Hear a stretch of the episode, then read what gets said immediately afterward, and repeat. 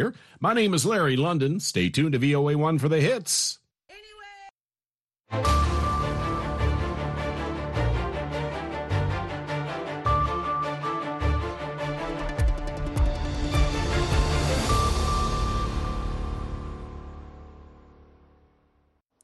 Halkani waa washington. Laanta afka soomaaliga idaacadda v o a oo aad ka dhagaysanaysaan muwjadaha gaagaaban efemyada geeska afrika iyo caalamkao dhan oo aad nagala socotaan v o a somaly com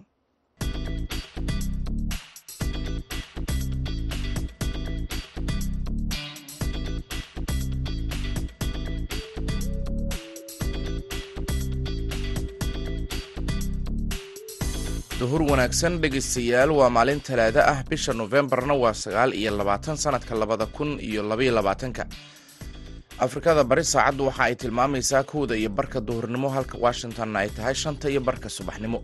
Idaacadda duhurnimo ee barnaamijka dhallinyarada maanta waxaa idinla socodsiinaya anigoo ah maxamed bashiir cabdiraxmaan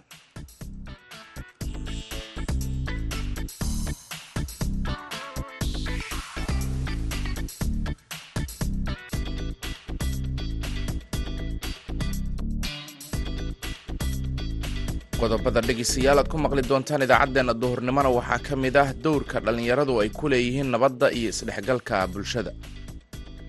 Bulshadeenna waxaad u malaysaa waa bulsho maxaa lahaa maaragtay dhibaatooyin fara badan maxaa lahaa kala tabanayo si la mid ah wax badanna ay oo dhibaatooyina ay soo gaareen. Marka dhallinyarada waxaan is leeyahay maadaama kuwa ugu badan ee inta badan ay dhibaatadaas ku dhacayso ay yihiin oo waxa sameynayana ayaga yihiin. Waxaad kaloo maqli doontaan olole lagu wacyigelinayo dadka in ay dhowraan bay-ada oo ka socda somalilan ciyaarihii kaalmihii heesaha ayaan barnaamijkeena ka marnayn balse intaasi oo dhan waxaa ka horeynaya warkii caalamka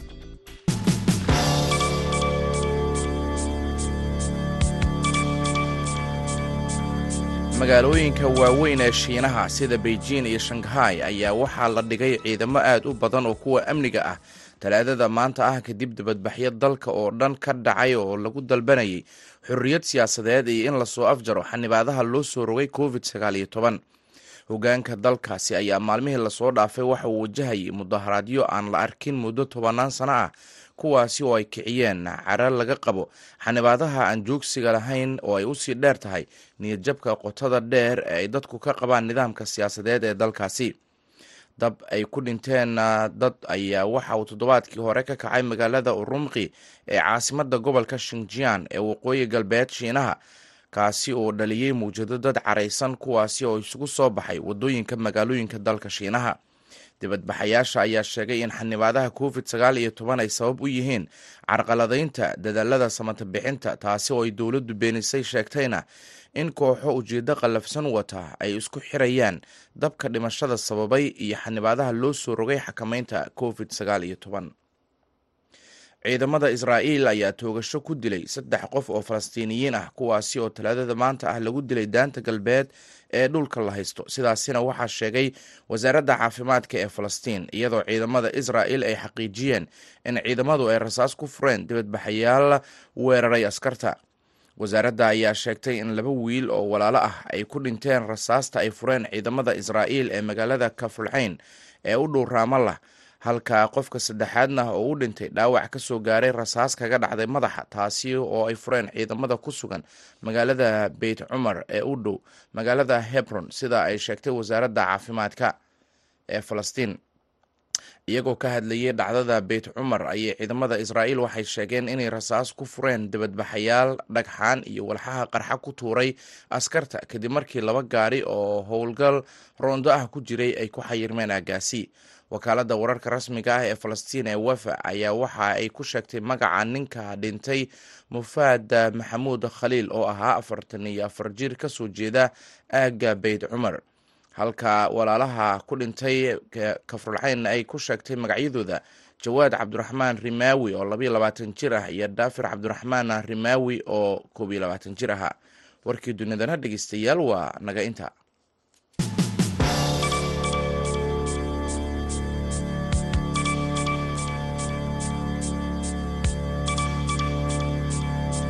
halka dhegeystayaal wararkaasi aad kala socotaan waa laanta afka soomaaliga ee v o a oo si toosa idinkaga imaaneysa washington. Markana muqdisho colaadihii ka jiray soomaaliya ayaa sababay in dad fara badan ay ku dhinteen kuwo kalena ay ku waxyeeloobeen. Waxaa jira sanad walba qaar ka mid ah bulshadu inay iskaga tegayaan oo ay ama isku taagayaan u ololeynta nabadda iyo bulshadu inay door siiso arrintaasi cabdinaasir ismaaciil waxa uu ka mid yahay da-yarta ku koray muqdisho wuxuuna ka shaqeeyaa sidii da-yartu ay uga shaqayn lahaayeen nabadda iyo isdhexgalka bulshada.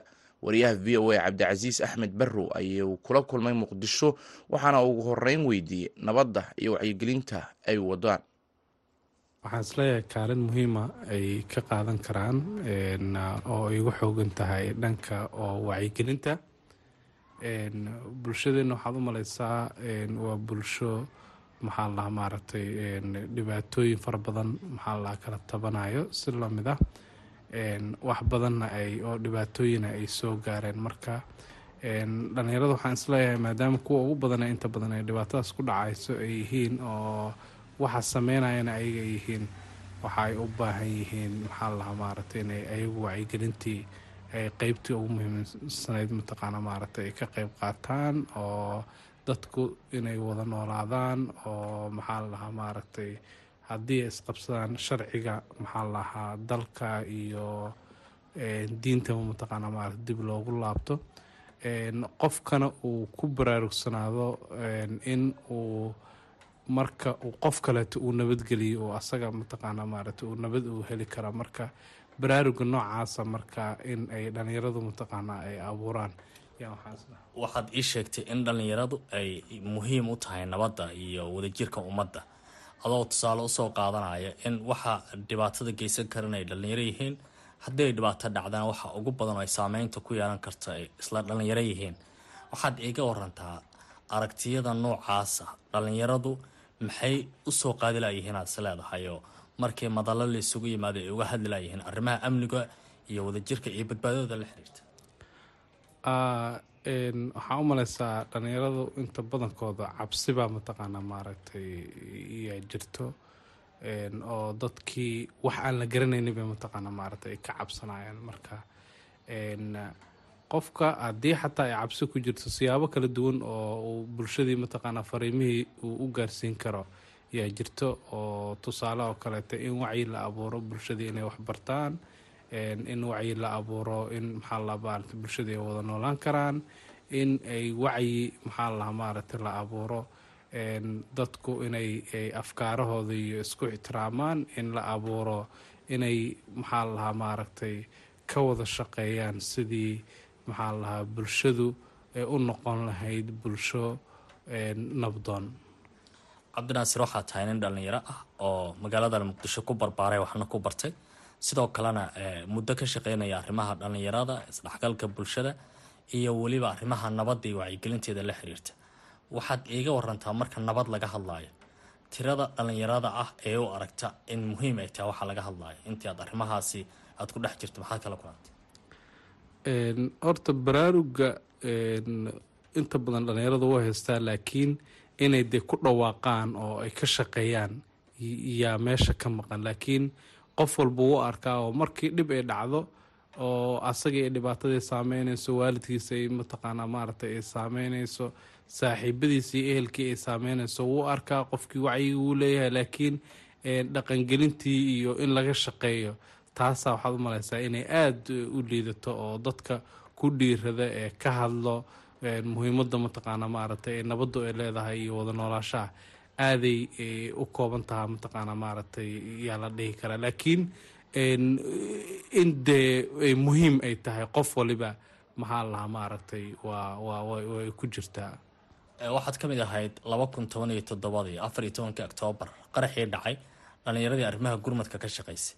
Bal waxaad iiga warantaa markii aad aragtay dhibaatadii dhacday iyo xaaladda dalka uu ku jiro iyo dhalinyarada badan ee waxbaranaysa la xiriirta in bulshada ay macno ku dhex sameeyaan. Welina ma isweydiisay halka aad dhibka aad aragtay ka dhacay. Waxaa ka maqnayd kaalintii bulshada looga baahnaa inay amniga ku yeeshaan. Dabcan haa waxaa u maleysaa waxa ugu muhiimsan oo hadday taama ka dhawaajiya bulshadu si guud iyo cabsi waxaa ku jirto. Wax aan la garanaynin bay mataqaana maaragtay ay ka cabsanayaan. Marka waxaan aan la garanaynin haddana asagii ayagii mataqaana maaragtay mar walbaba dhibaateynayo waxay u baahan yihiin maaragtay inay si wada jir ah ay ay ay maxaa lahaa uga dhawaaqaan oo uga shaqeeyaan oo dowladda iyo hay'adaha amniga maxaa lahaa maaragtay ka shaqeynaya. Cid waliba oo dhibaato wado cid waliba oo mataqaana maaragtay lagu tuhmayo inay dhibaato ay geysan karto.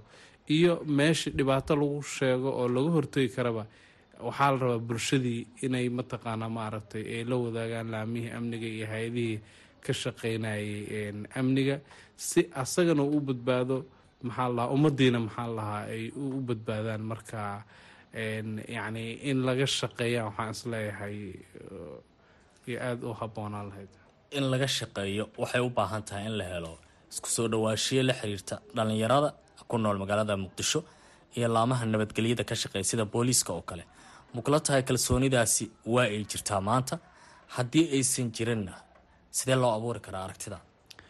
Dabcan waxaan dhihi karnaa marba mar ka dambeysa sanad sanad ka dambeeyo bulshada iyo dowladnimadu xoogaa isku soo dhawaasho fiicana mataqaana maaragta jiro.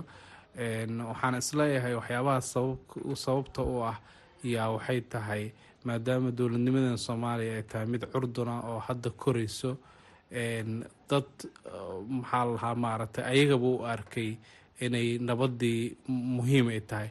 Yaa nidaamkii dowladnimada mataqaana maaragtay oo soo galayo oo dareen maxaa lahaa ku hayo marka waxaa laga yaabaa xiliyo kaleeta dad ka shaqeyn jiray inay ayagu naftirkoodaba ay ka cabsan jireen. Laakiin hadda qof waxaa laga yaabaa saaxiibka ama qof ehelka ama qof aad mataqaana maaragtay waxbarasho wadaag ahaydeen qof aad maxaa isku deegaan ahaydeen in maxaa lahaa dowladdii iyo maxaa lahaa hay'adihii amnigaba ay ka shaqeynayaan. Marka waxaa u maleysaa marka in nidaamkii oo baahay oo oo dowladnimada baahay baa wuxuu keenayaa marka isu soo dhawaashahaasuu keenaya waa gartay ugu dambeyntii waxaan rabaa inaan ku weydiiyo in nabadda laga shaqeeyo oo aada weliba noqoto qof u taagan in nabaddii uu ka shaqeeyo dhallinyaradii waxbaratay uu wacyigeliyo inay kaalin ku yeeshaa nabadda waxay kaaga dhigan tahay dabcan aniga oo cabdinaasir ahaana waxay iga dhigan tahay muhiimad gaara. Dhibaatooyinkii magaaladan ka dhacayay si shaksiyana mataqaana maara dadkii saameysay iyaan ka mid ahaa oo aniga waan u dhaawacmay.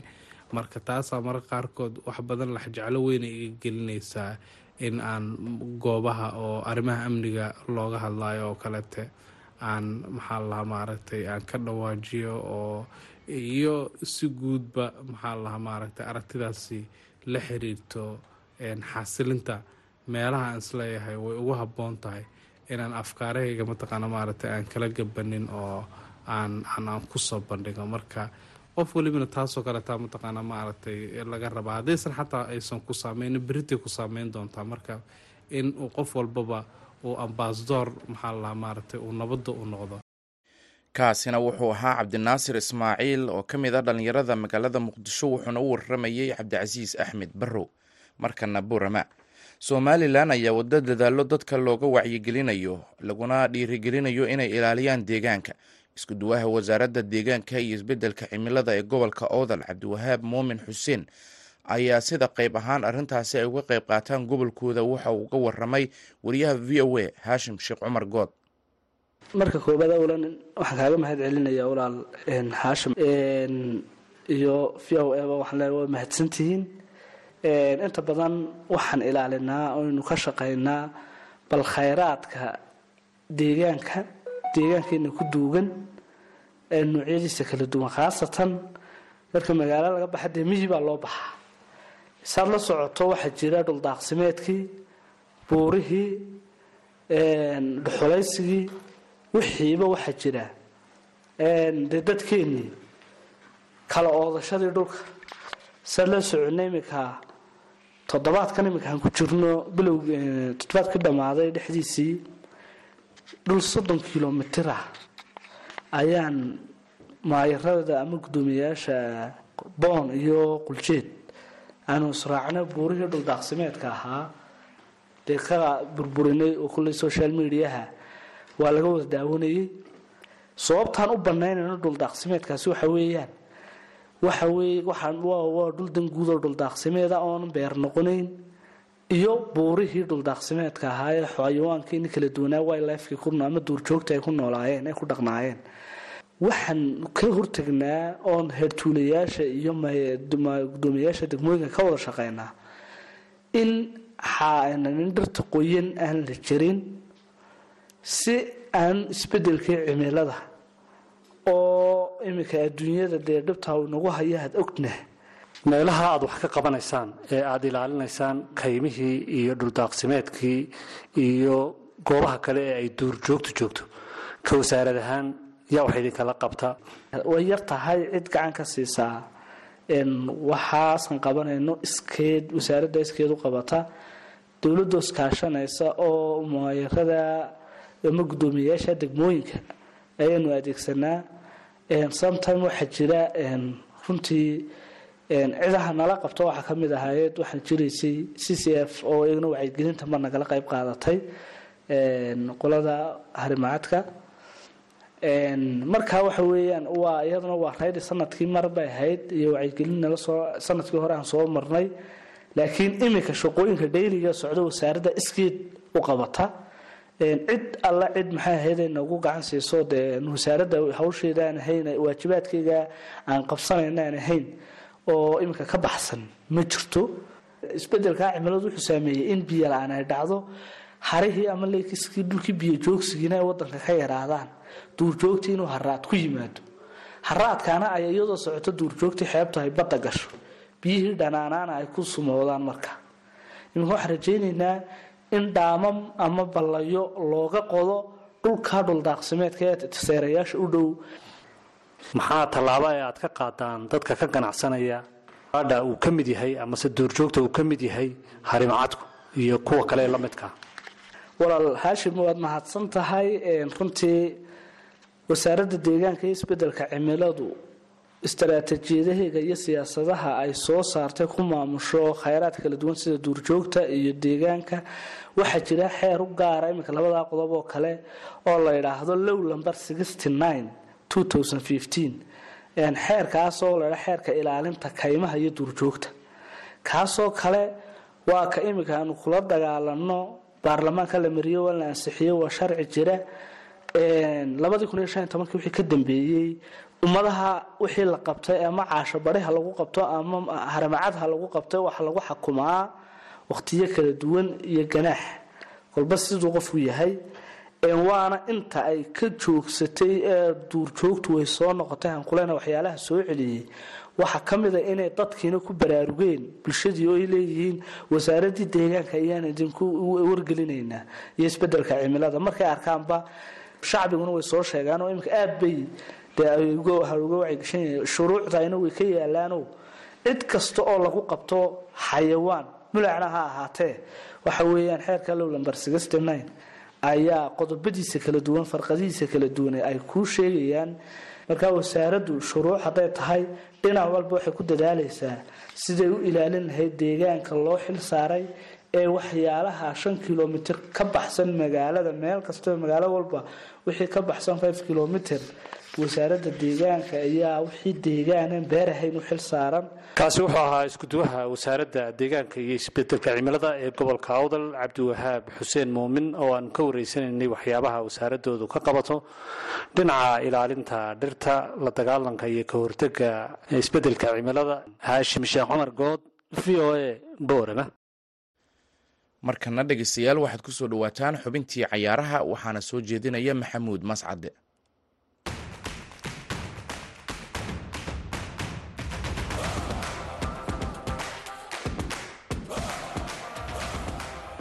kuna wanaagsan dhegeystayaal dhammaantiinba kuna soo dhowaada xubinta ciyaaraha. Falanqayna ku saabsan waddamada afrika ee ka qaybgelaya koobka kubadda cagta adduunka iyo rajada ay ka qabaan inay u soo gudbaan. Wareegga lix iyo tobanka ayaynu barnaamijka ku faaqidi doonaa laakiin marka hore aan ku horumaro kulamadii ugu dambeeyey iyo kuwa maanta dhacaya ee koobka kubadda cagta adduunka ee sida xiisaha badan uga soconaya waddanka qatar. Xulka qaranka ee bortuqiiska oo habeenkii xalay ahaa goor dambe la ciyaaray xulka uruguay ayaa laba gool iyo waxba guushu ay ku raacday ciyaaryahan burino fernandes ayaana labada gool u dhaliyay xulka qaranka ee bortuqiiska bortuqiiska ayaa noqday waddankii saddexaad ee xaqiijiyey u soo bixitaanka wareegga lix iyo tobanka ee koobka kubadda cagta adduunka.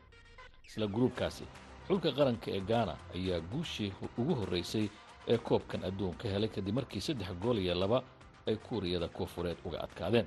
Waxaana halkaasi soo muuqatay rajo ah in gaanaysku kulanka ugu dambeeya haddii ay urugway ka guulaystaan ay soo gudbi karaan. Kameruun iyo serbiya ayaa kulmay saddex iyo saddex ayay ku kala tageen halka baraaziil ay hal gool iyo waxba kaga adkaatay xulka qaranka ee switzerland. Sidaasina baraaziil ay wareegga lix iyo tobanka ugu soo baxday.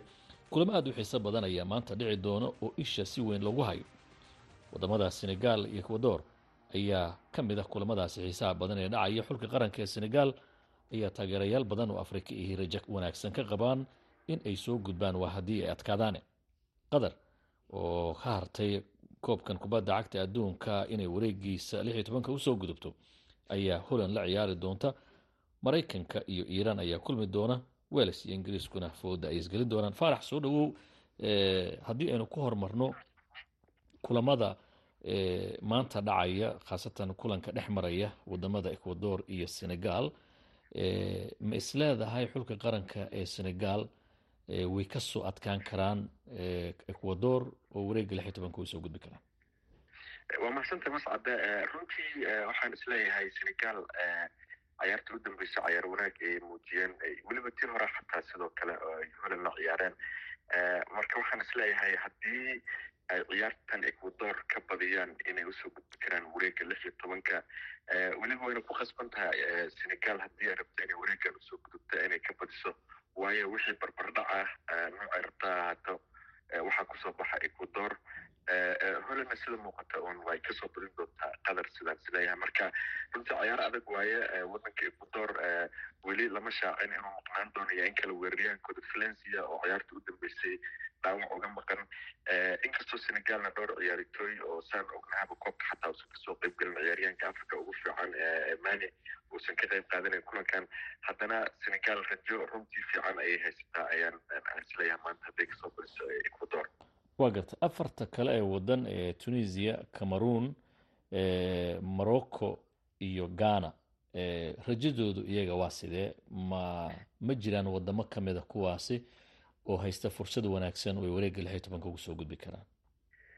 Waa mahadsanta runtii fursado badan oo fiicana jira. Aan ku hormaro ghana oo kale oo ka tirsan groupka eg waxay la ciyaari doontaa kulanka ugu dambeeya ee waddanka uruguay oo runtii kulankaasi la filayo inay ka aarsato maaragtay waddanka uruguay. Guul iyo barbardhac labadaba kulankaas ghana wixii ay gasho way ku soo baxdaa.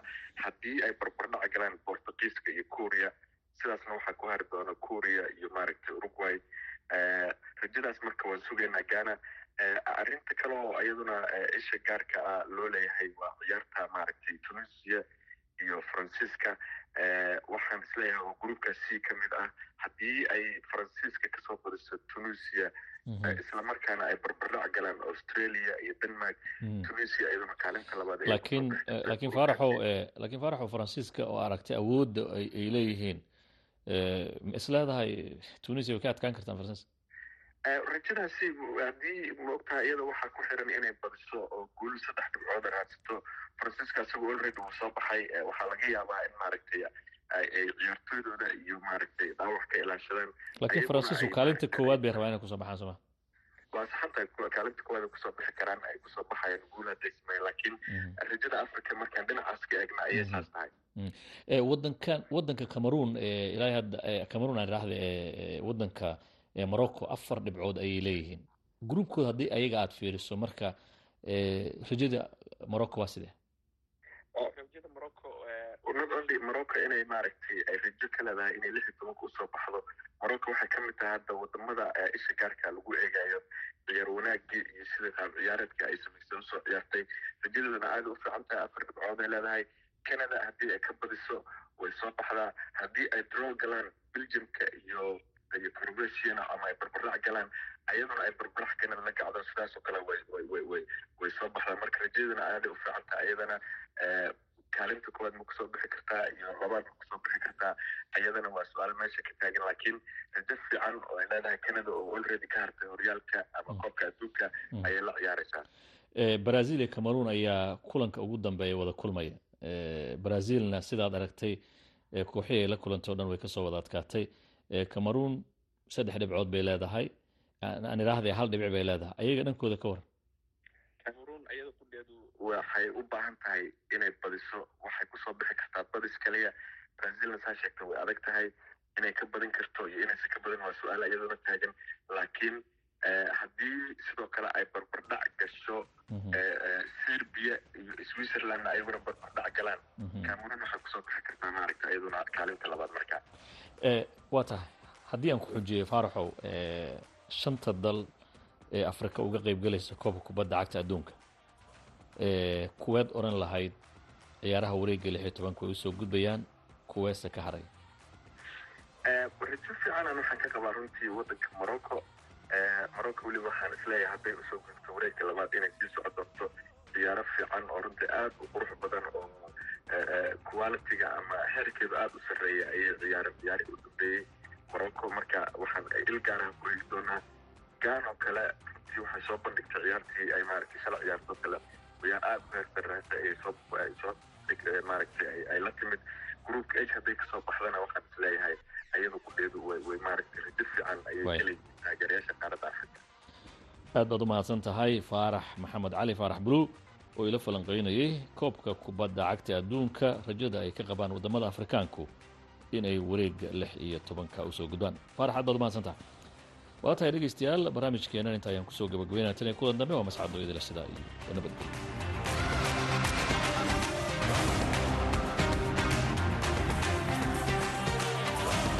mahadsanid maxamuud mascade oo xubintaasi cayaaraha nala soo codsiinaya markana dhegeystayaal dhinaca heesaha